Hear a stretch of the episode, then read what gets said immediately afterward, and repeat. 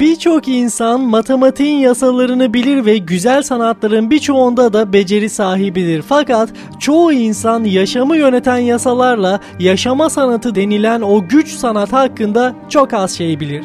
Bir insan bir uçak yapabilir ve onunla bütün dünyayı baştan başa dolaşabilir. Fakat nasıl mutlu, başarılı ve memnun olunacağını öğreten o basit sanatın tamamıyla cahilidir. Sanatları öğrenirken listenin en başına yaşama sanatını koymayı unutmamamız gerekiyor. Hepimiz yaşıyoruz ama yaşama sanatı denen şeyden çok uzağız. Bu söylediklerimi Jean-Jacques Rousseau söylemiş değerli dinleyenler ve Nietzsche de eklemiş ünlü düşünür. Kendi omzuna tırman. Başka nasıl yükselebilirsin ki demiş. Şu hayatta bizi yükseğe taşıyan yine biziz değerli dinleyenler. Bu nedenle yaşama sanatı denen şeyi öğrenmek gerekiyor. Hepimiz sanatçıyız. Hepimiz işimizde ustayız. Hepimiz bir şeyler yapıyoruz. Hiç kimse boş durmuyor ama şu hayattan zevk almak varken, şu hayatta mutlu olmak gerekirken, şu hayatta başarılı olmanın yollarını güzel bir şekilde bulmak varken durduk yere başkalarına çatabiliyoruz. Etrafımızdaki insanlarla kavga, gürültü içerisinde olabiliyoruz. Hayatı nasıl kötü hale getiririm diye